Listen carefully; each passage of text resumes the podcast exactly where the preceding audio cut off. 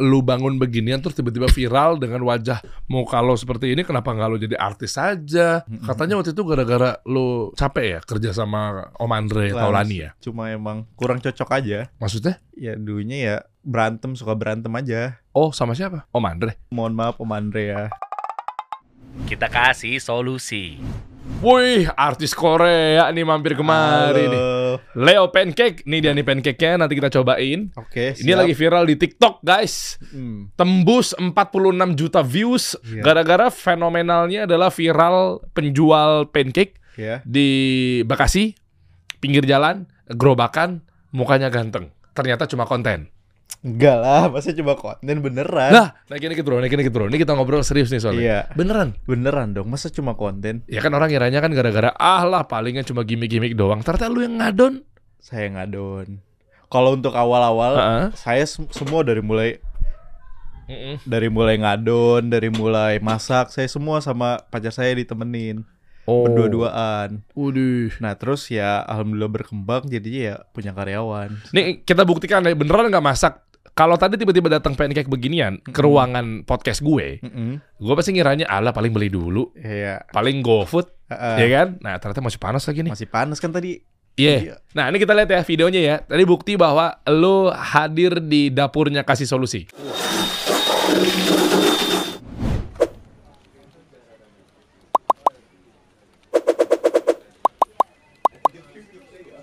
Tuh, ya kan? Bener kan? Belum gue cobain tapi. Oh iya, nggak maksudnya terbukti bisa Iya, masak. bener. Cuma ini kita lihat nih rasanya. Aduh, tiramisu red velvet. Tadi kan lo ngadon sendiri, Ngadon bikin sendiri, sendiri, apa segala macamnya tanpa Iya. ada yang bantuin ya. Tanpa ada yang bantuin. Gila, bro. Tanpa ada yang bantuin dan juga dibantu dengan kompor yang mati-matian ya. Ya namanya juga kan kalau kantor media kan nggak peduli sama Iya, dapur. iya, Yang iya. penting kan layarnya bagus, Layar bagus, gambarnya. wuh, ini bagus banget Mm, nih. kita Ini tolong juga- diedit ya, tolong dikasih AI bahwa kok dapur gue suasananya sangat bersih dan rapi ya. Oke, Bismillah. Ini ini ini beneran nih gue cobain nih. Oke. Dan First pancake impression, ya. eh, pinggir jalan tapi bentuknya kayak begini ya. Ah, ah. Nah, coba ya. Coba ya, Bismillah. Gimana? Ah. Kalau tahu gue mau kritik pedas. Kritik Gue mau pedas. kritik abis-abisan. Boleh. Kita open. Sorry, tapi kritik. lu open ya. open. Lu nggak baper ya? Enggak dong. Ya velvet ya. Oke. Gue mau kritik abis-abisan nih. Iya. Masa kayak begini sih bro? Aduh.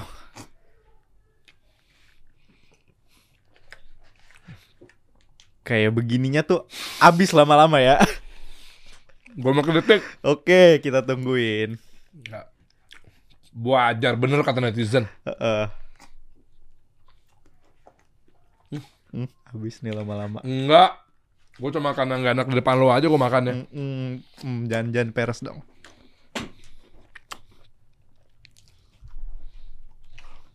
Gue mau kritik. Lu tuh harusnya bawanya 4, 6, 8 dong. Masa cuma dua? Gila empuk bro. Empuk kan? Itu itu sebenarnya teksturnya itu yang ngejual. Gila. Gue mau kritik kenapa hasil begini lu bagi-bagiin ke karyawan gua. Tadi Gua bawa. lebih punya hak dibanding dia nih. Nah, itu sih. Dimas ambil berapa nih Dimas? Hei. Satu pak. Lu pas tadi banyak lu bikinnya lu. Tadi banyak, Kenapa gue 10? tiba-tiba dua? Mentang-mentang gue tinggal sholat bentar. Nah, itu udah pada dihabisin. Hah? Saya lagi masak. Kak lagi kak, coba masak Gila. lagi Tiramisu lagi, coklat Kayak- Kayak dagang ini Saya hitung-hitung udah 100 ribu nih lumayan Enggak. Seenak ini, seempuk ini, seotentik ini. Gue kan nyari celahnya. Pancake kalau nggak ngerti ya. Mm-mm. Ini mah level-level pancake di mall-mall Grand Indonesia bro. Iya Yang makan tuh kayak gini tuh berasa menjadi kayak pancake para pejabat, pancake Iya. para influencer, artis-artis tuh. Tasya Farasya harusnya makan kayak begini nih. Ini kelasnya level-level uh, Baim Wong nih yang makan Tapi nih. ini jujur kan Wallah gue jujur. Jujur Masa gue harus sumpah sih sama lo? Takutnya ntar orang-orang Bener, pada bro. kayak Eh ini mah gara-gara depan Enggak, orang doang Enggak. Gue pernah makan di Grand Indonesia. Iya Pernah main nggak ke sana? Yang di samping itu kan Hmm, Grand Indonesia. Kali CBL Apa tuh? Ya susah ya CBL gak tahu Gila gue dihina balik sama dia. Pokoknya itulah Plaza Indonesia. Iya, iya, iya. Di Grand Indonesia Shopping Town. Itu kalangan-kalangan level-level tertentu yang bisa nongkrong di sana dan relatif mahal. Kalau tahu ada kayak beginian, ngapain gue ngejar pancake sampai ke Grand Indonesia yang udah levelnya para eh, pekerja kantoran atau para artis-artis? Nah, ini tuh sebenarnya tuh terinspirasinya dari pancake yang mall-mall gitu. Iya. Heeh. Maksud gua kayak begini-begini nih harusnya eh, ternyata bisa di pinggir jalan nih. Gue Bisa. pikir gara-gara ingredientsnya aja. kita bikin versi murah. Gue pikir ingredientsnya ngaruh telurnya. Lu berapa pakai telurnya? Gue ngerti dikit-dikit udah paham-paham. Dulu gue pengusaha martabak bro. Iya. Lu jangan main lo masalah ingredients lo. Mm-mm. Sama gue. Saingan dong sama Kaisang berarti. Dulu. Oh, dulu. Tapi gue kalah sama Markobar memang. Makanya gue tutup. Coba. Lu pakai telur berapa? Ini Hmm. satu pancake telurnya satu. Jadi Kalau- makanya makan ginian kenyang. Ah. Jadi kayak gituan telurnya dua. Kita munculin ya video yang tadi ya. Mm-mm. Sambil ngeliatin hasil dekatnya kalau gini kan jauh tuh. Mm-mm. Teman-teman pasti tahunya pas lagi versi dekatnya ntar di video yang tadi udah diambil kan ya stok setnya ya. Udah. Bro, kok bisa sih kayak gini di pinggir jalan sih? Kenapa? Gue pikir maaf ya, Iya. pinggir jalan kan image kan telurnya dikurangin, terigunya dikurangin. Hmm. Stigmanya tuh begitu, jadi nggak bisa ngejar pancake-pancake eh, rasa mall. Iya, Iya, rasa mall. mall harganya pinggir jalan gerobakan begitu. Ternyata ada loh. Ada. Di Bekasi di mana sih? Di alun-alun Bekasi. Jangan lupa pada datang. Hmm, Rubel Souffle Pancake. hmm. Kita bahas ya. Iya. Gimana ceritanya ketika eh, lu bangun beginian terus tiba-tiba viral dengan wajah muka lo seperti ini kenapa nggak lo jadi artis saja? Hmm. hmm, Katanya waktu itu gara-gara lu capek ya kerja sama eh, Om Andre Langsung Taulani ya. Ke situ dong. Enggak, mohon maaf Om Andre ya. Nih kalau Om Andre mungkin nonton saya gak ada capek-capeknya kok kerja di situ ya cuma emang kurang cocok aja. Maksudnya? Kurang cocok aja udah udah nggak usah diperpanjang kayaknya ya. Hmm, sama yang mana? Sama yang mana? Udah. Aduh. Oke. Pancing Eh. terus ini kayaknya. Bentar, Melvin. Lu gua udah WhatsAppan sama Om Andre Tolani katanya dijadwalin sama Melvin. Enggak kan ini buat gue pribadi nih. Oh, Kenapa lu tadi tiba-tiba jadi merasa? Ada apa dengan Melvin? Maksud gua eh Melvin. lu mana nih nggak pernah ada jadwal nih Om Andre Taulani nih si Melvin nih. Soalnya kata tim gue katanya udah dijadwalin. Gue WhatsAppan sama Om Andre. Iya. Ya udah Der, siap Der. Gue mampir Der. Nanti gue eh, main ke sana. Jadwalan aja langsung. Tim lo suruh tektokan sama Melvin. Udah WhatsAppan sama Melvin. Iya. Melvin gak ada kabar Melvin nih. Hey, sibuk kayaknya dia tuh. Hey. Sibuk dia tuh. Nah maksud gue jadwalin dong. Ya, ya ini cuma cerita dikit gara-gara lo ngomongin Andre Taulani. Iya, ini ini salah satu saya ke- waktu pas diundang takut sih datang ke sini. Karena pertanyaan-pertanyaan kayak gini nih, suka nusuk-nusuk deh. Enggak. Kita mulai dari awal deh. Boleh. Lo dulu editornya Andre Taulani. Gimana Iya. ceritanya? Bisa gabung? Nah, itu sebenarnya bisa gabung itu bisa dibilang hoki atau emang udah jalan Tuhan aja kali ya. Hmm. Itu saya cuma DM doang. DM sama Andre-nya. Hmm? Om Andre lagi butuh tim gak buat buat apa nama buat YouTube-nya. Kebetulan saya sukanya nulis sebenarnya dulu. Hmm. buat scriptwriter atau apa gitu. Terus tiba-tiba dibales. Saat ini kita lagi nggak butuh tapi butuhnya untuk editor. Terus langsung saya bilang, saya bisa om ngedit. Itu padahal saya belum bisa sama sekali. Bohong lu, zolim lu, artis gede lu, bohongi, lu lu cuti buat karirnya dia. Tar dulu, tar dulu. Terus dia bilang kan, oh iya. Terus oh enggak, sorry sorry. Saya bukan nggak bisa ngedit sama sekali. Saya ngerti ngedit, bukan ngerti gimana ya. Cuma tahu doang gitu. Oh caranya gini. Cuma bukan yang jago banget gitu. Pakai apa? CapCut. Enggak Premiere Pro. Oke, terus Heeh. terus udah gitu kita eh kita lagi kan kita. Kenapa lu tiba-tiba sorry, begitu sorry. lo? enggak enggak Ada bu, apa nih maksudnya nih? enggak saya apa namanya kan lupa kan nyampe mana oh iya nge DM Andre Taulani Om Andre terus katanya bisa ini enggak terus coba dong tolong kirimin apa namanya hasil editan videonya nah dulu waktu saya SMA saya suka apa namanya ikut-ikut lomba film gitu Ya. tapi bukan saya ngedit saya Hmm. cuma ngasih nih hasilnya gitu tapi bukan saya ngedit Ih bohong berarti lu. Makanya wajar dipecat sama Andre Taulani. nggak dipecat dong Oh lu ngundurin diri ya? mundurin diri Oh karena yang tadi yang ada orang itu ya? Eh sorry lagi syuting. Ya oke lanjut. Terus- Eh by the way, pancake enak bro. Tuh sampai habis Abis gua. dong. Udah nggak pakai you, thank you, thank udah nggak pakai table manner gue makan deh. Kalau di GI kan kalau gue makan kan satu udah mahal. Dan yang kedua tuh harus kayak yang ya kan meskipun gue sama bini gue sok-sok kelihatan kan malu kan yang lainnya kan pada artis-artis pada mampir juga kan kalau kelihatan gue juga seorang kan gue harus selebriti hitungannya Celebrity. apa jadi gue harus pakai table manner kalau sini gas saking enak ya masya Allah thank you bro ya Oke. oke terus Ini akhirnya kita lanjut ya. Dari situ ya udah akhirnya dipanggil buat interview.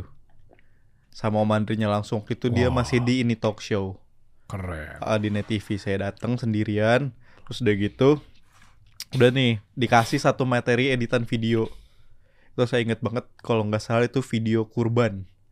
Video dia lagi kurban gitu maksudnya kurban sapi gitu. Saya editin tuh. Terus akhirnya saya bawa pulang videonya materinya filenya terus saya belajar semalaman bener-bener semalaman cara ngedit gimana maksudnya di YouTube cara nge-cut video gimana cara nge-add sound gimana cara nge-add kalau dulu kan YouTube zaman-zaman kayak gitu kan. ya Allah norak banget masih ada yang pakai tuh sound system eh Iya. sound system sound Dulu effect itu tahun berapa? 2018 mah rame kayaknya kayak gituan. oh. Iya. Terus akhirnya dari situ-situ belajar bener semalaman. Saya kirim langsung. Terus kata Mandri, wah keren nih hasilnya. Lucu katanya. Dia ngomongnya lucu. itu gak tahu ya lucunya dalam arti apa ya. Cuma katanya, wah keren nih videonya lucu katanya. Oke oke oke. Terus akhirnya dipanggil lagi. Dipanggil lagi terus ditanyain lagi sama Mas Melvin. Katanya, lu ada kena- ada kenalan lagi nggak? Katanya buat videografer kita butuh nih videografer. Terus saya aja saya panggil lah teman saya, saya ajakin buat gabung. Hmm, terus Eh, nah itu itu waktu itu Om Andre itu pas baru kena kasus. kasus apaan Adalah pokoknya kasus. oke terus Kena kasus dia bener-bener YouTube-nya dari minus banget. Tim YouTube-nya cuma Mas Melvin itu doang. Uh, Melvin sangat berjasa berarti. Sangat berjasa banget. Makanya nyampe sekarang kan masih. Oh. Heeh. Terus udah gitu, Heeh. ya udah saya ajak temen saya. Ini temen saya yang saya ajak ini dia yang bisa ngedit. Hmm. Iya, yang bisa ngedit tadinya. Yang ngedit-ngedit video saya yang saya bilang nih saya kasih video call sama Andre. Padahal itu teman lo. Iya. Dan Oma- yang bisa megang kamera sebenarnya saya. Om Andre, bagus deh lu nggak pekerjakan dia lagi ternyata banyak bohongnya ya. Itu bohong sama sama nekat itu tuh beda dong. Oh. Nekat. Tapi lu sebenarnya bukan maksud bohong, Bukan. tapi maksudnya gue bisa nih gue tunjukin nih. Bisa. Ternyata eh, bener buktinya video kurban itu hasilnya memuaskan Iya. di matanya Andre Taulani. Iya. Sosok Om Andre Taulani loh. Masya Allah. Udah singkat cerita lu lama berapa lama di situ? 7 bulan. Kok nggak nyambung? Nggak, maksudnya nggak berkelanjutan? Ya ya gitulah pokoknya. Ada Karena pancake. karena pancake kebetulan itu saya langsung usaha pancake terus rame enggak dong. Enggak ada. Udah dong podcast udah bubar. Thank you teman-teman ya. Enggak ada dramatisir sekali Anda ya. Gara-gara gara-gara ada lah konf Ya udahlah, gua nggak mau tahu lah konflik Iya, lo sama iya, sama Jangan Andre lah apa segala macamnya lah gua nggak mau tahu itu urusan lu pribadi karena gua nggak mau gibah. tapi tapi ini ini dulu ya kalau misalkan emang orang yang nonton gitu itu dulu kalau sekarang udah biasa aja gitu maksudnya Apa sih gua sengaja biar kejauhin lu yang mancing-mancing lagi. Emang sebenarnya ada apa? klarifikasi doang maksudnya ter dianya nonton kayak ini orang gini gini gini Oh. Padahal padahal ya udah biasa aja saya mah dulunya ada kasus. ya dulunya ya berantem suka berantem aja Oh, sama siapa? Om Andre. bukan dong Oh, Ya. iya Oh, tapi udah baik kan kan ngapain sih Udah, udah, udah udah, pada iya. gede juga lu. Iya makanya. Udah lanjut, lanjut. Hmm. Dari situ saya nganggur, Serius? bikin YouTube. Enggak lebih tepatnya saya bikin YouTube. Oke. Mm-mm. Penghasilan lu dari mana? Lu bela-belain cabut dari editor. Mohon maaf nih kalau boleh tahu Iya. editor gajinya kan lumayan pasti kan. Heeh. Nah, lu cabut kan sayang banget.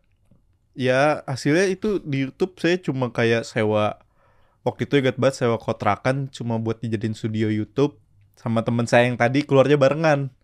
Oh, dia juga nggak Heeh, lanjut. Nggak lanjut sama sama ituannya. Apaan ituannya? Ituannya pokoknya terus udah kita bikin YouTube berdua. Bikin YouTube berdua dua bulan duit kita habis tabungan dari gajian Taulani. Wah. Dari situ saya ngelamar lagi jadi editor di perusahaan startup. Perusahaan startup ini dia di bidang kelas online masak baking gitu dan di situlah saya belajar gimana caranya ngaduk aduk ngaduk adonan ngebedain telur protein tinggi protein sedang protein rendah Oh. kayak gitu-gitu banyak ilmu yang saya dapat di situ saya dua tahun di situ Oh, jadi nggak cuma sekedar lo belajar ilmu video editing dan lain sebagainya gitu Enggak, ya saya biasa? juga belajar. Soalnya kan tiap hari saya ngeliatin. Saya juga saya pas di situ saya kameramen dan juga editor. Udah kameramen ngeliat terus nyampe rumah saya ngedit. Oh cara cara bikin kue tuh begini. Harus dipisahin telurnya putih telurnya sama kuningnya kayak gitu gitu Nih, ada satu pesan moral yang bagus nih. Kalau tadi gue telah Leo cerita seperti itu. Terkadang memang lu menganggap bahwa lu video editor, lu graphic designer, pokoknya hal-hal yang memang berbau perkontenannya. iya. Jangan mandang bahwa lu tuh cuma sekedar kerja tok gitu loh. Ini yang gue mau titik beratkan gitu loh. Maksudnya jangan cuma berpikir bahwa kayak misal lu mau rintis karir dari awal lu video editor misalnya gajinya nggak gede-gede banget dulu. Iya. Misalnya masih dia dari awal lah. Terus lu ngegerendeng gitu loh. Alah artis gede malah gaji gue segini gue tahu nih yang view banyak. Gue tahu nih kan gue ngedit kan ada brand-brandnya kan? Ya kan brand G-Water masuk di situ sarung safir Tapi- masuk di situ. iya. Iya kan? Tapi maksud gue coba deh lu lihat deh ada ternyata di luar dari itu itu ada ilmu yang luar biasa. Kayak misalnya nih editor podcast gue ini ini nasihat buat tim gue pribadi juga sebenarnya. Lu nonton kayak gini nih kan sama aja ya editor gue ngeditin orang yang duduk misalnya dia menteri iya. misalnya dia pengusaha. Mm. jadi jangan sekedar menuntaskan pekerjaan doang gitu loh ngedit ngedit ngedit selesai. ya. Iya kan lu nontonin selama sejam video berlangsung. Kalau gue durasi Bener. sejam misalnya. Iya. Ya udah nonton ngeliatin oh gila insightnya begini kan. Biar lo apa? Biar lo juga bisa usaha nantinya. Benar ini buat semuanya nih ya. Itu poinnya. Ternyata kan lu ngambil ilmunya iya. Awalnya video editor terus lu ngeditin konten-konten Masak. seputar masak. Iya. Dan, dan kue. dunia baking kue. Baking wow. Iya. di situ belajar banyak. Apa sih startupnya? Startupnya namanya Oh. Rikuk Rikuk.id R E C O O K. Ya Rikuk.id itu bukan baru ya? Udah lama. Dia baru rebranding. Nah. Tadinya namanya Aneka Baking Online ah ya, saya pengamat startup lah tahu nih kalau brand-brand ini yang Hmm. kayaknya muncul ke permukaannya biasanya kan rilisnya. Mhm. rebranding dia. Jadi Riku punya siapa? Punya aja ada namanya Mas Fajar. Ah oke. Sama Mas Pandu. Selama dua tahun lu pelajarin gimana caranya bikin bakingnya apa tuh di situ? Banyak. Biasanya apa? Termasuk pancake? Nggak ada pancake kan baru ngetren lah pancake bukannya udah dari Souffle pancake yang ini baru ngetren dua tahun Oh, belakangan. oh iya nih Heeh. sorry sorry. Itu pancong ya? Pancong beda dong. Iya emang sama-sama pan dan cong iya iya. Sorry sorry. Nggak emang di kepala saya kok Iya bener. Kok di Iya. kepala gue pancong ya? Waktu pas tadi lu ke ruangan gue juga kayak Bukan ada di Kemanggisan Gue bilangnya pancake bro kan Sorry sorry Pancong bro. Pantesan kata saya di mana? Udah udah gak usah terusin. Itu kan tentang kebodohan gue Gue kan di depan kamera kan harus kelihatan keren. Aduh. Gak usah Oke diterusin oke Itu pancong beda ya? Beda dong beda jauh banget. Sama-sama pan. Iya gue tahu sama-sama pan memang. Pan. Nggak usah lu terusin. Malah lu nyalek lu di mari. Nggak usah. Bareng Zulkifli Hasan ya. Lagi, Oke, Oke. Fokus fokus fokus ya. Mm. Nah jadi dari situlah lu akhirnya berjalan, lu amati, Mm. lu tiru, lu contek. Selama 2 tahun ternyata balutan lu udah nggak kerja lagi, tapi untuk menyolong resep. Iya dong. Bukan nolong resep dong ilmunya Kalau Iya. resep kan saya buat sendiri Lah kan ada resepnya pas di video. Tuang sekian gram. Tapi kan gak ada buat pancake Ah, di sana emang nggak ada ya berarti ya? Gak ada Karena kan dibilang pancake baru ngetren Yang serupa-serupa, serabi-serabi. nggak ada beda jauh. Kalau di situ tuh kayak kue-kue bolen atau kue-kue ulang tahun atau kue-kue banyak sih jenis-jenis kue-kue gitu. Hmm. Kayak roti juga. Lah kenapa nggak ngambil yang itu udah ada gratisannya? Kenapa lo harus ngulik lagi pancake-nya? Nggak kepake dong lu nontonin video buat ngedit sambil belajar. Ya kepake kan ilmunya. Kayak yang tadi saya bilang gimana cara bedain tepung protein rendah, Ah. protein tinggi gitu-gitu. Cara ngaduknya ngaduk ngaduk adonan aja ada caranya. Terus mixer juga ada caranya. Nyatuinya ada caranya. nggak bisa ngasal-ngasal gitu aja. Oh iya, dari situ baru tinggal berapa ukuran gramasinya. Iya. buat pancake sekian, buat roti sekian, buat donat sekian. Oh, iya, iya. Nah, tapi kalau misalkan gramasi itu balik lagi kok rata-rata orang yang udah pro di bidang baking itu, mereka udah nggak pakai gramasi. Kalau yang saya lihat-lihat ya di situ, Pakai lah tetap bro. pakai feeling. Ah, emang mak-mak di desa. Ya, Mama di desa kan jago-jago. Dia tanpa pakai begituan, tapi sekelas-kelas gede mah. Menurut gua tuh ya, chef sesungguhnya itu mama di kampung tuh. Mm-mm. Yang pak, pak, pak, tuang, tuang, tuang gitu kan. Heeh. Langsung uang tang, tang, Dan- tang. Itu belum ada yang ngalahin tuh mama di kampung tuh. Jago banget dia bisa pas. Iya. Susah ngalahin mereka, Susah makanya pakai gramasi. Bukan begitu tuh? Enggak juga. Ya kalau ini sih pakai gramasi Oh. maksudnya. Cuma kalau saya kadang bikin buat sendiri gitu. Nggak udah asal aja bikin. Jadi kalau dulu ini saya belajar ini buat nonton resepnya nyampe dua bulan. Lah kan di Google banyak Di resep Google banyak, pancake di udah. YouTube banyak. Nah, terus Tapi saya nontonin semua video cara buat souffle pancake di YouTube dari semua negara. Jadi beneran serius serius. Tapi emang sempok ini sih. Beneran kayak yang di Grand Indonesia nih. Mm-mm. Dari semua negara saya tontonin kayak souffle pancake Taiwan, souffle pancake Jepang, souffle pancake Korea, souffle pancake Amerika gimana sih perbedaannya? Terus yang dia pakai telurnya apa apa? Baru dari situ saya lihat resep-resepnya. Kadang kan ada kecolongan orang video resep-resepnya gitu. Maksudnya? Ada, maksudnya kadang kalau di YouTube itu ada yang ada yang ngasih resep, ada yang enggak gitu. Oh. Biasanya kalau luar negeri itu jarang ngasih resep kalau video-video luar. Cuma kayak ASMR doang. Kayak ter cara buat pancake gitu. Ya, ya, Gak ada ya. resepnya. Cuma kan kadang kelihatan tuh di timbangan. Terus saya, oh kalau orang luar pakai segini. Oh kalau orang Jepang pakai segini. Oh kalau misalnya orang Amerika pakai segini. Terus saya satu-satuin gitu. Oh, beda-beda ya? Beda-beda pasti. Ukurannya juga beda-beda. Kayak pancake Jepang, pancake Amerika gitu-gitu. Kayak pancake Indonesia gini kan cetaknya pakai kertas. Iya, tadi gue lihat tuh. Heeh. Kalau pancake Jepang udah langsung aja zzz, gitu. Kalau pancake Amerika kan yang flat. Eh, it- itu Amerika apa apa yang flat ya? Oh, nanya gue. Itu Ukraina tuh, Ukraina. Pokoknya ada yang flat gitu. Ada yang pakai cetakan juga, pencetakan besi, beda-beda juga gitu. Dan Indonesia ini apa namanya pakai kertas gitu. Bedanya apa sih? Ini kita gue teknis dulu ya bentar ya. Kenapa nggak lu pakai aluminium? Biasanya buat apa sih namanya? Buat Iya. yang masukin ke dalam Mm-mm. oven-oven itu apa sih bahannya? Aluminium. ya? Aluminium foil nggak bisa dong.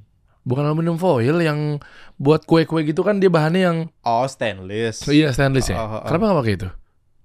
Karena biar sama aja, biar ngikutin aja saya. Soalnya waktu ini kan ini kan saya terinspirasi buat ini dari souffle pancake yang ada di Tangerang. Dulu tuh itu dua tahun lalu benar-benar viral banget. Capek-capek belajar Amerika, Jepang, apalagi tadi ujung-ujungnya Tangerang. Kenapa nggak langsung dari awal Tangerang resepnya?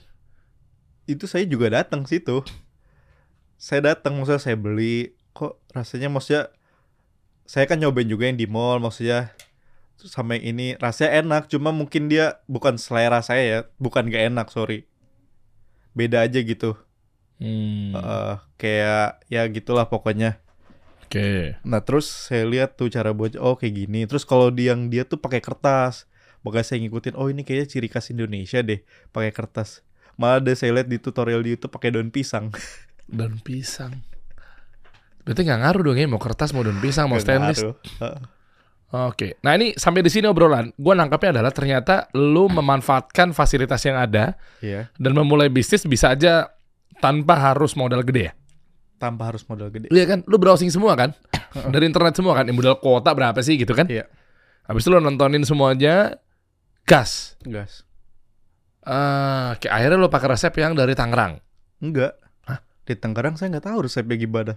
Masa ya saya nanya. Oh, Cuma cuma ngeriset Cuma doang. lihat doang riset, makan gitu. Akhirnya lu pakai resep yang mana? Saya bikin resep sendiri. Lah terus ngapain capek-capek ngeliat orang Amerika bikin? Jepang bikin? Ya kan dilihat gramasinya. Oh, di ini segini, ini segini terus saya campur-campur. Oh, segini nih yang pas kayak gitu. Buat lidah Indonesia. Lebih tepatnya buat lidah saya. Subjektif lu bikin makanan buat cuma buat enaknya lu doang. Lah kalau konsumen nggak enak, tapi lu bisa kayak gini, ya gue sih pas sih ya. Iya kan? Gimana caranya? Berarti kita udah satu Enggak sih generasi. lebih lebih tepatnya saya kayak oh yang di mall nih rasanya kayak gini. Yang di yang di kaki lima rasanya kayak gini. Coba disatuin. Kayak gitu. Oh, oke. Kayak misalkan ini krim yang atasnya tadi itu saya nggak beli kalau orang-orang rata-rata beli kan. Kalau yang di kaki lima ya rata-rata dia jual pancake krimnya beli krim kayak dia pakai mungkin selai atau pakai flat atau pakai kayak gitu-gituan lah pokoknya. Kalau saya bikin handmade semua. Emang iya. Gue nggak lihat lagi pas jadinya tadi. Beli berarti lu pakai yang tiramisunya. Iya gue lihat sih lu tiba-tiba nuang begituan, tapi lu itu bikin dulu ya. Bikin dulu tadi saya prepare jam 11 Ah. Jam 11 pagi. Apa bahan-bahan dari tiramisunya? Kenapa? Bahan-bahan dari tiramisu sama Rahasia. Eh bukan lu pelit amat lo tipis-tipisnya aja dari apanya dari apanya lu beli di Shopee paling Enggak dong. eh, selainya sele tiramisu in- in- ada in- intinya kalau misalkan ini kita buatnya itu custard itu perpaduan custard sama whipped cream. Kalau misalkan yang di mall-mall itu rata-rata pakai whipped cream, makanya ada sensasi dinginnya kan. iya Nah, nah kalau yang di sini ini pakai custard sama whipped cream. Kalau kita pakai whipped cream doang, nyampe rumah udah cair. Soalnya dia es kan. Hah, hah. Pas saya udah saya awal-awal pakai whipped cream doang pas jualan. Terus saya coba lah kok cair nyampe rumah ya. Terus coba ah ca- cari-cari lagi ditambahin custard ah. Oh, custard itu bisa jadi buat pengikat juga gitu. Terus akhirnya inilah custard sama whipped cream disatuin. Nah, terus kalau rasa-rasanya tinggal nah itu yang rahasia. iya iya iya, iya. memang Pokoknya intinya itu, intinya saya bikin base base apa base itunya dulu toppingnya satu base itu kayak plain baru saya kasih rasa-rasa rasa. kan ada pakai es krim juga tuh kadang Iya. lu lu nggak pakai itu Niatnya sih gitu. Cuma kayaknya kalau rata-rata kan dibawa pulang ya. Kalau Oh, nyampe iya. rumah cair. pakai es krim sendiri aja konsumennya beli sendiri Iya iya. ya kalau mau modif nah eh, masuk ke ranah promosi pemasaran ya Eh, gimana caranya lu eh, bangun kontennya kah atau mungkin lu hanya bermodalkan gue pede optimis gue Iya. gitu kan apa segala macam ya katanya lu punya kisah ada satu partner lu yang nggak Oke, percaya kita, dengan kita tarik Iya, iya. tarik ulang dulu Iya ya. dong, Ini- pe- pengen tahu nih mulai Iya. bisnis lu kasih solusi dong ke mereka Hmm. dong. Ini awal-awal nih saya buka sama pacar saya sama teman saya. Ini saya nggak ngeluarin modal. Modal siapa? Enggak, maksudnya bukan saya nggak ngeluarin ya. Waktu itu saya ada pegangan. Cuma saya kalau kayaknya kalau buat modal ini mendingan pegangannya dikit dulu deh. Saya nyampe minjem ke kakaknya temen saya. Buat modal buka ginian. Gila, niat juga lo ya. Niat Berapa banget. waktu itu? Waktu itu kecil cuma 9 juta. Dapat gerobak semua. Gerobak pakai gerobak bekas. Kompor beli kompor bekas. Kompor souffle pancake itu khusus mahal. Kayak 3 jutaan, 4 jutaan. Waktu itu beli bekas cuma 1,5. Ingat banget. Dari Bekasi kita COD-an ke mana tuh Tangerang apa? Apa BSD gitu kalau gak salah. Oke. Nyamperin. Eh, Iya, terus habis itu ya pokoknya buat lain-lainnya lah kayak mixer segala macem itu habis-habis 9 juta. Itu kita bagi tiga, 3 juta, 3 juta, 3 juta. Dan itu 3 juta saya minjem ke temen, ke kakaknya temen saya. yang 3 juta 3 jutanya masing-masing mereka lah ya. Ya mereka partneran kan maksud lo kan? Ini sama pacar saya sama temen saya. Iya, maksudnya kan mereka Iya, uh. mereka punya caranya sendiri untuk Uh, dapetin 3 juta 3 juta iya, tadi. Kalau uh. lu 3 jutanya minjem. Minjem. Hmm. Kayak gitu. Terus udah gitu kita cobalah buka di Galaksi pertama, Galaksi Bekasi. Kenapa di Galaksi ini gue sambil mau telaah nih? Karena di situ rame. Orang-orang di situ banyak yang makan. Kayak maksudnya kayak tempat makan lah orang tahu kayak kalau orang Bekasi kayak misalkan malam minggu ke mana Galaksi gitu. Tahu tahu. Yang dekat Iya. mana? Dekat kopi kenangan apa yang mau ke arah masjid? atau- Danau. Danau. Ya Danau. oke. Iya.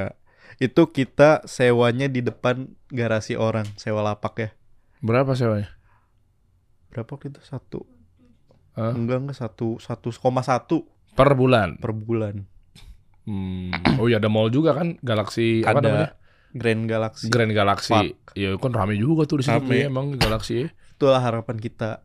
Oh ini mah rame kayaknya nih di sini nih. Nah di situ sayangnya saya belum promosiin. Tiba-tiba muncul tuh ngejogrok di situ. Iya tiba-tiba udah di situ aja. Hmm. Terus juga ah, sebulan akhirnya yang beli cuma seorang, satu orang tiap hari, dua orang. Udah 9 juta. Enggak ini yang ada kita malah buntung 3 juta. Bahan baku, sewa Wah. lapak, segala macem. Bertahan berapa lama tuh? Sebulan doang. Ya Allah. Ini kuncinya ya, lu kan supply. Mm-mm. Demand itu harus diciptakan, bro, di-create, bro. Itu. Lu bikin media dulu, kek, lu bangun personal branding dulu, kek, tiba-tiba ngejogrok di situ. Mm-mm. Lah siapa yang mau nyikat demand kagak ada yang tahu kagak lu create demand creation. Itu itu udah awalnya udah dikontenin cuma masih konten-konten ya konten-konten pemula gitulah kayak ya guys pancake kita nih baru buka gitu-gitu doang kan saya kan sebelum konten ini pancake kan kontennya komedi Oh, akun lo ya? iya TikTok akunnya Oh. akun-akun komedi gitu maksudnya apa video-video komedi gitu Iya, oke. Terus Uh, laku komedinya berapa followersnya?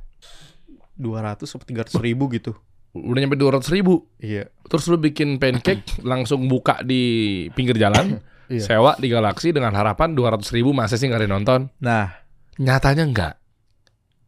ada paling satu dua orang Nah, memang mau segede apa pun followers tapi kalau demand atau permintaan nggak dibikin susah juga ya. susah kita harus nge nge-branding yang penting itu Iya, iya, iya. Heeh.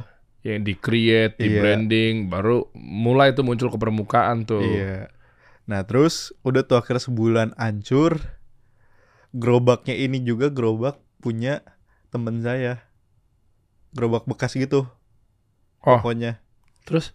Terus nih, ini mungkin udah juga jalannya jalannya kali ya. Hmm. Terus pas saya udah di kan satu bulan kan bangkrut di hari ke 28 lah gitu. Saya ada endorsan TikTok. Terus udah gitu kalau di TikTok kan ada yang bayarannya pakai red card sama yang pakai views kan. Kayak gitu. Nah, Hmm. terus saya bikin aduh bikin apaan ini ya kontennya ya. Coba bikin a day in my life jualan pancake gitu. Akhirnya meledak. Yang mana konten lo yang mana? Wah, udah lama, udah bawah banget. Oh, Oke. Uh, akhirnya meledak dan kan itu dan itu juga dibayarnya per view kan akhirnya kita lumayan dap maksudnya saya lumayan buat balikin modal balikin ke temen saya terus saya mikir nih ini lanjutin gak ya?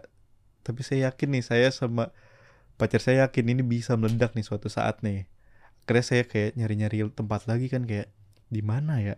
Terus bukalah coba cari-cari di alun-alun Bekasi. Dan temen saya itu udah gak ikutan. Karena percaya. Ya Karena udah mungkin. trauma diajakin bisnis sama Mungkin. Leo tapi nggak Iya. jalan nih bisnisnya. Iya. Alah followers gede doang lo 200 ribu lo nggak ngaruh 3 juta gue melayang dasar lo ah gitu kan berantem tuh kalian. Tapi saya balikin modalnya. Oh jadi akadnya tuh utang piutang. Ya mungkin karena temen kali ya. Iya maksudnya akadnya memang lu minjem sama dia kan? Eh, eh, enggak, tapi modal dia juga yang tertanam saya balikin. Kok jadi gitu? Ya karena saya bilang mungkin temen. Oh iya, oh karena teman aja. Iya. Tapi kan kalau di Iya aslinya enggak, cuma ini mungkin Iya. karena pertemanan aja gitu. Oh iya, bukan dia yang nuntut. Bukan dia yang nuntut. Oh itu Saya- mah ya kalau lu untuk hitungannya sedekah mah gua nggak tahu ya. Cuma Hmm. mungkin kalau di akad di muamalah tuh ya apa ya bahasa simpelnya ya. Ya secara iya. bisnis tuh kan nggak boleh berubah tuh. Kalau memang investasi ya udah lu tanggung resikonya, untung bareng-bareng, rugi bareng-bareng. Iya. Tapi mungkin lu ada nilai sedekah atau apa ya udahlah daripada nggak enak gitu. Itu beda cerita tuh. Iya, sorry bentar. Coba atas nih. Mana? Atas lagi atas. Lu lama-lama kayak Roger dan Warta ya. Banyak yang ngomong gitu tuh. Dah kan banyak yang Tuh. ngomong kan. Yang ini.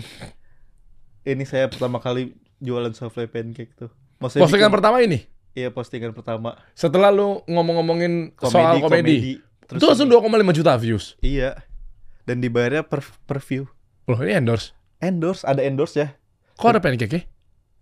Oh, a day in my Day life. in my life jualan souffle pancake. Ada endorse dibayarnya per view. Terus viewsnya segitu, lumayan. Gile. Brand apaan? Itu Apa sih? Oh, Yoyik. Eh, kok Uh-uh. gue tahu nih yang ada di minimarket minimarket gitu Iya. ya. Enak tuh, enak tuh. Mm-mm. Iya, iya, iya, iya. Yoyik gue tahu tuh. Gue sampai kena virus TikTok juga tuh. Akhirnya gue juga beli. Tapi memang enak sih. Heeh. Iya, iya, iya. Ya udah dari situ akhirnya dapat lah uang endo- hasil endorsan. Akhirnya saya beraniin lagi buat di alun-alun Bekasi berdua sama pacar saya. Terus gerobak kan tadi minjem ke dia kan. Saya cari lagi gerobak bekas sendiri. Ya, dibalikin semua soalnya model awal ya. Iya. gerobak bekas saya cari lagi. Saya nggak pakai gerobak baru, gerobak-gerobak second satu jutaan. Saya Hmm. cari pakai kompor bekas, jualan berdua doang.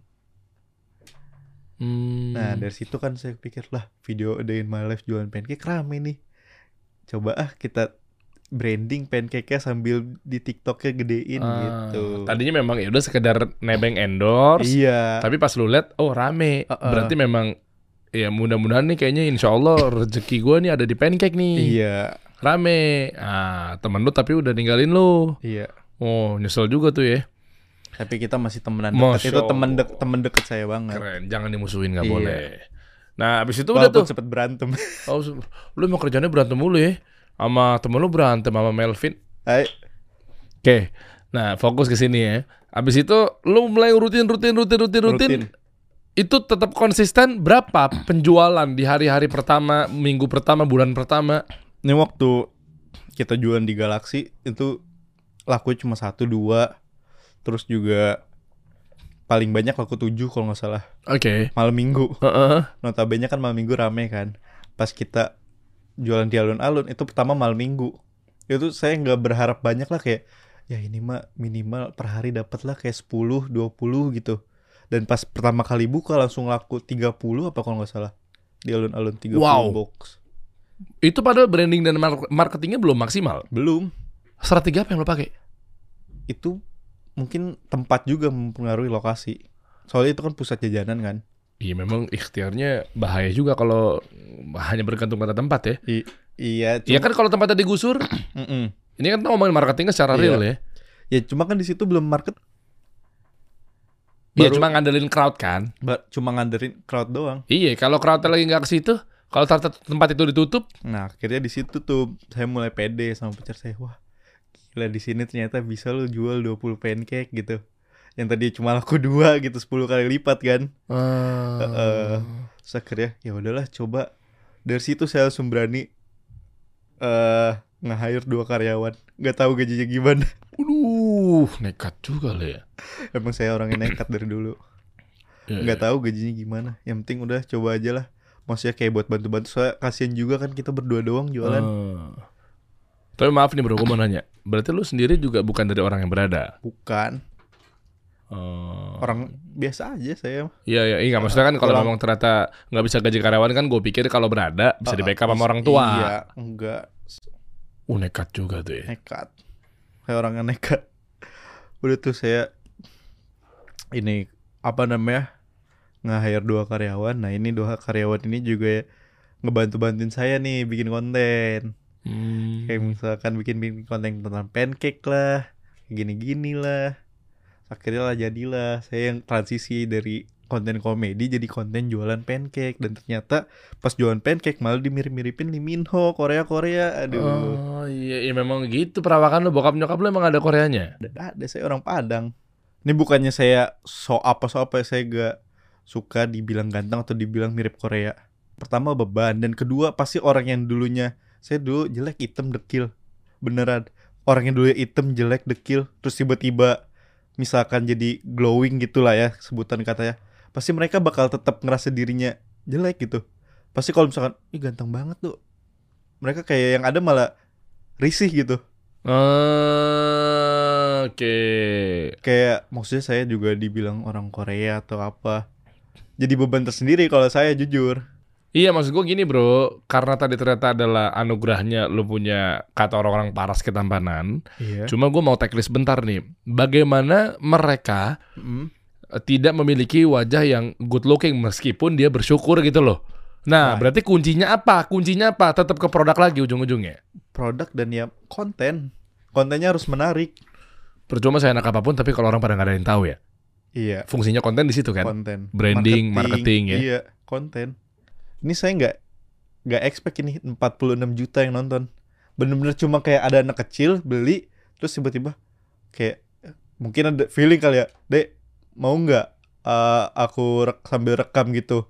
Ntar ada pakai mic ya kayak gitu. Lah gue baca di komennya katanya gara-gara lu setting pakai mic dia suruh ngomong begitu. Ternyata beneran dia beli. Nah ini saya mau ngurusin juga nih banyak-banyak orang yang kayak ini konten settingan ya? Itu mic-nya lepas dulu dong mic-nya lepas dulu dong gimana ya cara ngasih taunya ya?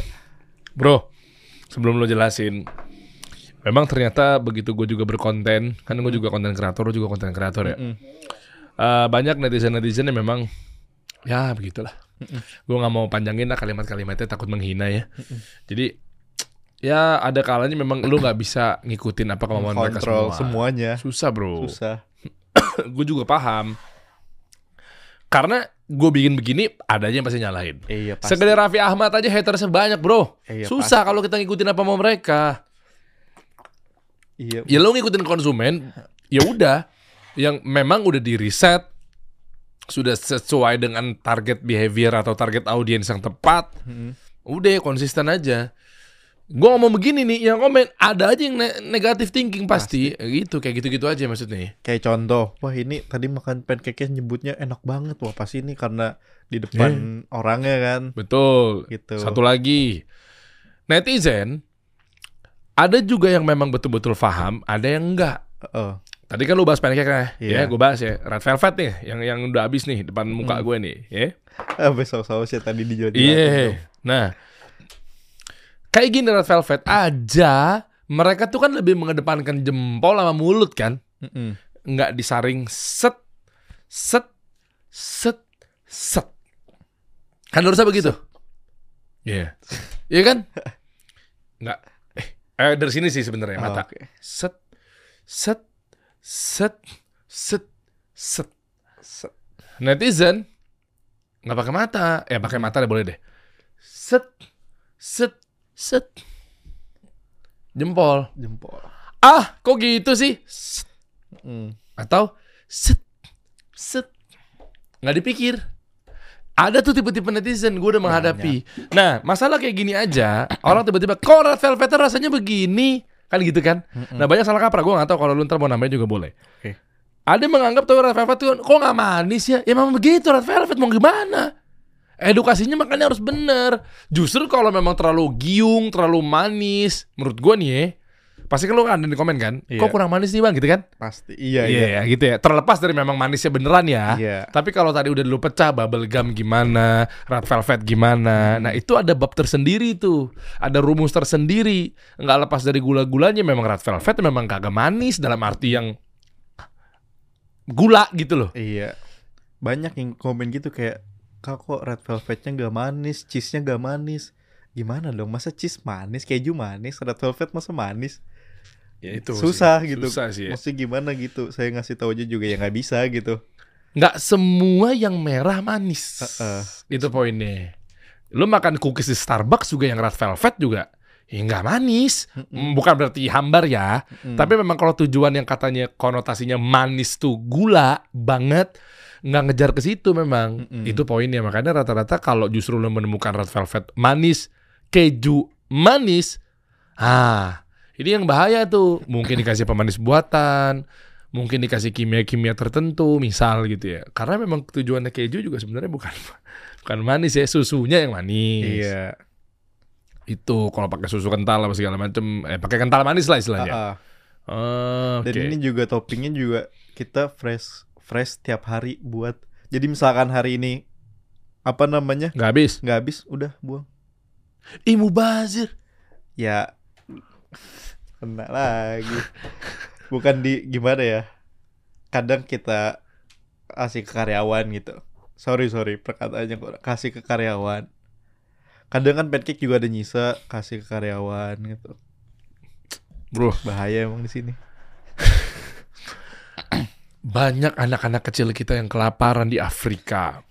Banyak korban-korban yang sedang kesusahan di jalur Gaza, Palestina. Banyak adik-adik kita yang muslimin-muslimin kita. ya Free. Palestine. Oh iya dong. Iya, iya. Kita berdoa supaya Palestina tuh bebas dari keterpurukan. Amin. Sementara banyak orang susah makan di Afrika, kurus-kurus. Kena. Lu buang. Padahal masih sisa 40 kilo kan? 100. Ya ya ya. Tapi Iya. gue dapat edukasi itu tuh. Kemarin gue juga sempat ada di kubu netizen gitu tuh. Ada satu video viral. Lu nyampe gak di TikTok lo? Kenapa tuh? Gue lupa tokonya apa. Donat pokoknya.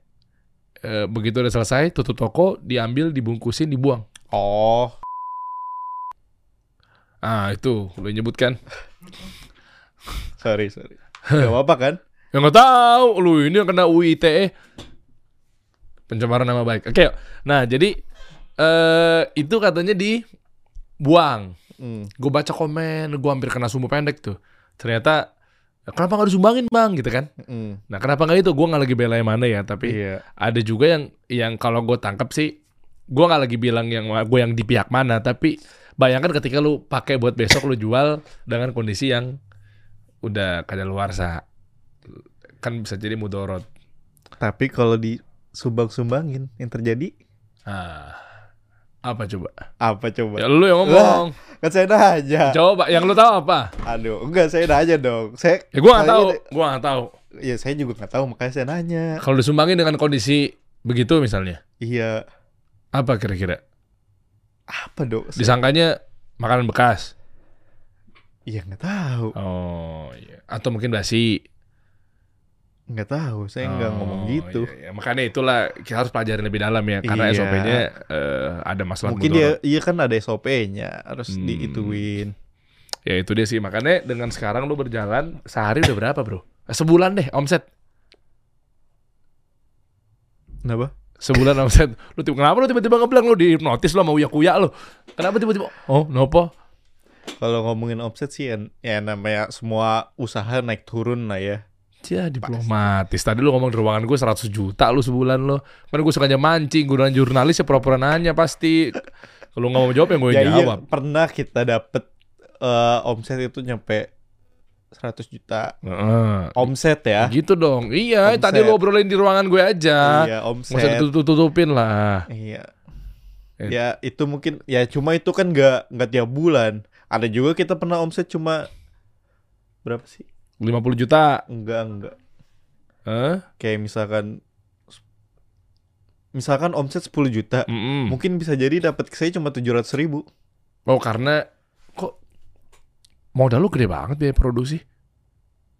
Biaya produksi, Iya kan? gaji karya, iya gaji karyawan, tempat, lahan, li- listrik gitu Oh iya benar. Karena memang ada cash flow di situ ya, Mm-mm. yang mungkin eh, harus lu keluarin serentak di saat itu. Iya. Mungkin harus lu bayar ke vendor atau supplier. Mm. Ya itulah makanya Dan hati-hati. pas omset se- se 100 juta itu, itu kalau nggak salah saya sebulan nyampe 4000 box apa ngejual ngejual pancake ya. Uh, dahsyat. Terus udah gitu itu saya bersihnya kalau nggak salah cuma 10 juta apa? Hmm. Enggak, enggak. Sebenarnya bersihnya itu adalah cuma itu di saat itu kita lagi pengen pindah ke ruko. Hmm. Jadi yang omsetnya 100 juta dipotong semua gaji karyawan, bahan baku segala macem terus pindahlah ke ruko. Dapat dapat cuma kurang lebih 10 juta. Iya, iya memang memang kalau pengusaha tuh UMKM tuh hati-hati dengan cash flow memang. Iya, emang duit muter terus. Iya, karena kan eh, flow-nya begini kan kalau di keuangan ya. Mm-mm. eh, makanya matriksnya tuh plus ya. Iya. Profit, loss, surplus, sorry, profit, loss, surplus, defisit. Kalau lihat dari depan nih, profit, loss, surplus, defisit.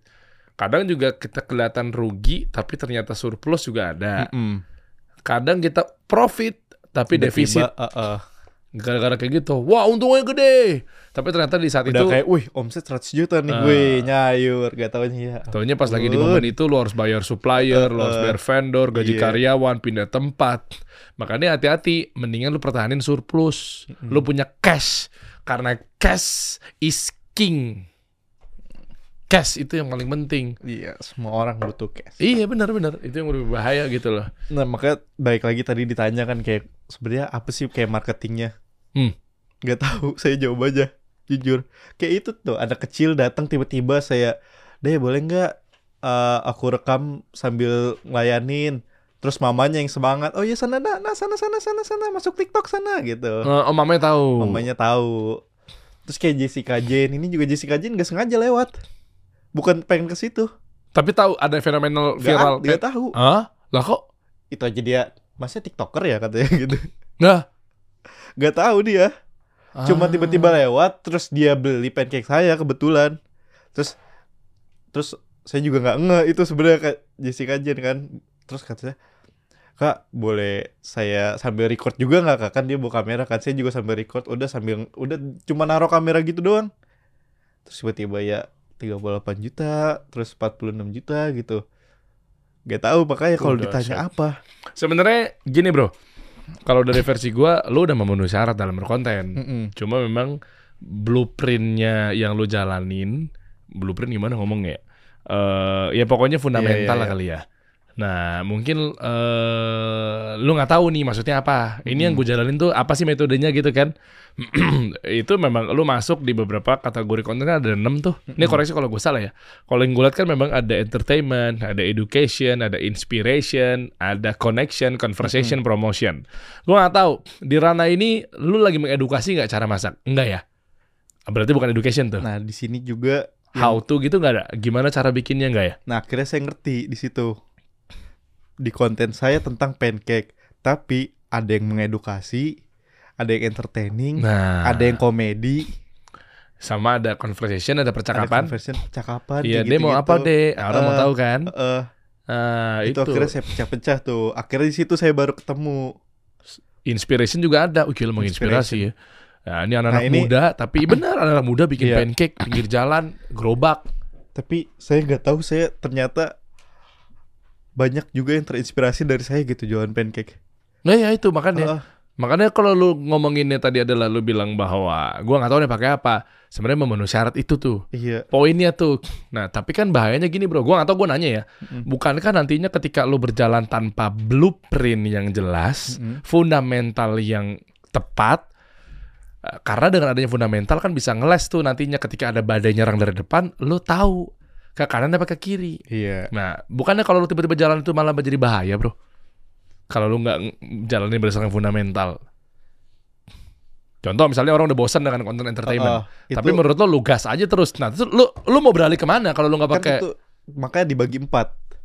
Ah. Ada yang kayak entertaining, ada yang ngobrol-ngobrol doang, ada yang edukasi segala macem. Iya, itu poinnya. Hmm, Nah, tapi kalau buat teman-teman kalau mau tahu blueprint yang jelas, fundamental yang benar dalam berbisnis, insya Allah saya sama Om Deddy Kobuzier lagi bikin pelatihan atau workshop. hmm, Masuk tuh? tuh, nih gue kasih tahu nih. Sambil jualan nih. Gak apa-apa. Jadi Apa ada tuh? namanya 360 Business Blueprint. Gue, Om Deddy Kobuzier, Coach Reni Suhardono, Coach Yusak, Coach James Gui, Coach Muhammad Ismail. Ini berenam Mm-mm. tanggal 20 sampai 20 November ya. Eh, 20 sampai 23 November. Hmm, Akhir November Itu- tuh. tentang Ilmu bisnis dikasih Ilmu tahu dari bisnis. segala cara. Dari ada istilahnya kalau ngomonginnya perusahaan kan ada direktur marketing, Iya. ada direktur finance, direktur operation, direktur keuangan, direktur eh, HR, direktur sales, branding, marketing gitu-gitu. iya. Nah, itu dibagikan semuanya tuh. Nah, jadi teman-teman ketika berjalan berkonten, berbisnis tahu kalau gue ngelakuin ini ketika ada viewsnya turun, ketika marketingnya ngapain? turun, gue harus ngap ke mana nih? Gue pakai strategi yang mana? Mm-mm. Itu pentingnya blueprint. Mm-mm. Itu ntar tuh nih. Informasi lebih lanjut klik aja link di deskripsi di bawah. Siap. Jadi ke depannya lo bakal mau berapa cabang bro? Nambah lagi cabangnya? Apa kira-kira? Niatnya sih pengen buka cabang. Cuma kan ini kita kan jualan kaki lima ya. Heeh. Nah ini musim lagi nggak jelas kan. Takutnya saya ada rencana pengen buka di Bandung. Sama ada yang nawarin buka di Malaysia. Wah, smart. Soalnya di ini kenapa saya buka Softplay Pancake waktu itu nggak ada yang jual di Bekasi. Saya pengen kayak pengen jadi penjual Softplay Pancake pertama di Bekasi gitu. Cuma itu doang. Oke. Nah di Malaysia belum ada yang jualan. Iya. Tapi kalau lu nggak ngonten di sana berat ya harus juga. konten dong. Itu maksud gue. Eh, eh, harus konten. Hmm. Dan gak taunya ada penonton saya yang udah duluan buka di sana. Ganteng juga. Ya gitulah. Cuma ya ganteng. Oh. Ter kesa- kesannya gimana saya ngomong? Iya iya iya. Iya. Udah kecolongan tuh. Udah colongan cuma nggak apa-apa lah. Oke. Maksudnya dia juga kan berarti kan dari apa yang saya buat kan bisa diambil buat Iya, orang gitu, ambil baik buat orang gitu. Coba sekarang terakhir bro, gimana lokasinya lebih detailnya? Ini buat teman-teman biar bisa Hmm. meramaikan ini. Kalau saran gue sih ini kayak di pancake-pancake di mall-mall mewah nih bro. Mewah. Dapat nih, bisa lu begitu karena lu bener-bener serius yang ngejalanin nih. Bener-bener serius. Nah, coba di mana informasinya atau mungkin alamatnya di mana sih, Bro? Alamatnya ada di alun-alun Bekasi, namanya Rubel Souffle Pancake. Oke, di Iya. sebelah mananya?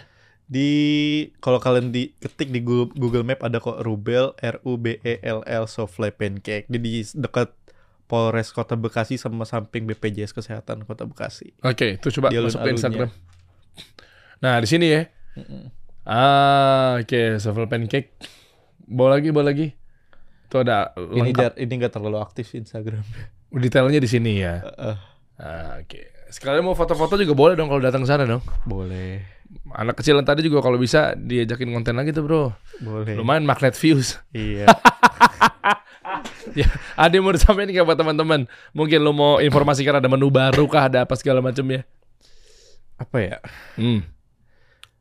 Kalau menu baru sih kita ada ntar eh, lagi mau di launching ini rasa strawberry, taro sama vanilla Oke, fokusnya di situ Ah, dulu ya. Berarti minumannya nggak lo bikin ya? minuman. Ya, apa pun Niatnya itu. juga pengen bikin minuman tadinya. Cuma nanti masih belum belum Cuma diseriusin. nanti sama rencananya tuh pengen buka cabang gitu. Cuma yang tadi saya bilang kayak ini kan cuaca nggak mendukung apalagi juga ini kaki lima kan. Dan ini udah mau masuk musim hujan gitu. Eh buat yang versi ruko aja. Ya percuma kalau musim hujan gitu. Nggak nggak kemakan pasti kos ya. Eh kan belum tahu. Iya juga Masa sih. Ma hujan disalahin? Kalau emang marketnya bagus, masih Kan anget-anget. ngeliat cuaca juga maksudnya. Oh. Saya kan basicnya pedagang kaki lima yang saya pengen ini. Sebenarnya di ruko itu juga yang saya pindah ke ruko konsepnya tetap kaki lima bukan ruko. Oh jadi kayak konsepnya eh, gerobakan lah ya. Iya, karena saya emang suka kayak gitu-gituan kayak yang kaki lima kaki lima gitu. Eh, Kalau mau-mau, aduh, saya lebih suka makan angkringan saya mah. Uh keren. Ya ya ya ya tenang lah. Kalau memang misalnya lu buka terus tiba-tiba mandek kan, kan pasangan lu siap support. Iya dong. Kan gue baca komen katanya. Kenapa tuh? Mm-mm, katanya lu sama dia gara-gara dia kaya, mau makanya lu mau deketin. Enggak dong, itu emang yang komen-komen gitu. Saya juga heran. Balik lagi nih ya ke head-head komen itu nggak bisa diatur. Kayak misalkan tadi, Hmm. kayak ada pelanggan kemarin baru kemarin deh. Hmm. Dia ternyata langganan saya. Kan saya ke situ kan yang nggak setiap hari dan ada Mm-mm. tiga tempat kan pindah-pindah gitu. Mm-mm. Terus kayak tiba-tiba, kak boleh nggak saya rekam gitu. Terus tiba-tiba, maksudnya saya rekam kayak, kayak tadi jual beli kayak adek tadi tadi. Terus tiba-tiba dia ngomong, iya nih aku langganan nih di sini gitu. Aku sering beli. Padahal saya nggak tahu gitu maksudnya. Hmm. Terus tiba-tiba, alah konten settingan. Gini gini gini. Mic-nya dong itu kalau settingan yang bener mic-nya taruh dulu gitu-gitu. Aduh, capek. susah bro. Susah. Terus juga sekelas kayak kalau bikin konten gitu misalkan sama pacar saya, ada aja yang ngehujat gitu. Jatuh gimana? kayak misalkan kok cowoknya begini ceweknya begitu maksudnya kayak Wah, pacarnya kurang cantik apa coba masya Allah. udah nge-support yang buat ngehujat ngehujat nih ya Tuh, lu catat. Meskipun kalian cantik tapi kalian nggak bisa gantiin atau nge-support segala macem tuh aja si Paul lagi buaya, buaya lo. Eh, ketaker, gue dulu juga mafia bro, bandel gue dulu, udah ketaker gue. Gue dulu kurang buaya apa? Kayak gue nggak tahu cara main lo. Eh, buaya, paham Enggak, gue. beneran, Gue dulu kan beneran. juga penjahat. penjahat apa tuh Iya, iya, ya, bro. Setidaknya bro, ketika lo sama pasangan lo ke depannya, iya Iya kan meskipun dia sekarang kaya raya, tapi kan setidaknya lu emang pengen duitnya dia. banget enggak dong saya nggak pernah dong minta duit Iya, sama iya. sekali enggak. Menu baru pokoknya gue tunggu strawberry dan lain sebagainya. Ah, sama bentar satu lagi. Kayak Hmm. misalkan yang kayak tadi tadi gitu emang susah gitu. Kalau emang udah hati-hati yang sirik kan kayak misalkan. Kalau saya jujur gak pernah kepikiran dengan komen-komen yang ngejelekin pacar saya gitu. Cuma kalau misalkan di pacar sayanya kadang kepikiran gitu. Kan saya juga kayak gak enak gitu. Sementara saya orangnya cuek banget gitu. Mau ada orang yang komen alah ini, ini segala macem cuma kalau yang komen gitu saya ngerasa gak enak juga gitu kasihan sama pacar saya kayak di komen-komen gini cuma yang komen-komen gitu kayak ya udah hati-hati yang hati-hati orang yang sirik aja gitu kayak Hmm. orang-orang yang kalau orang yang normal pasti bakal komen kayak wih keren banget ceweknya bisa Hmm. nge-support segala macem bukan saya yang ngebagus-bagusin dia gitu Hmm. karena banyak juga yang komen kayak gitu Ya udah, pokoknya kalau lu misalnya nggak uh, siapa namanya? Iya, misalnya lu capek, udah ganti aja pacarnya.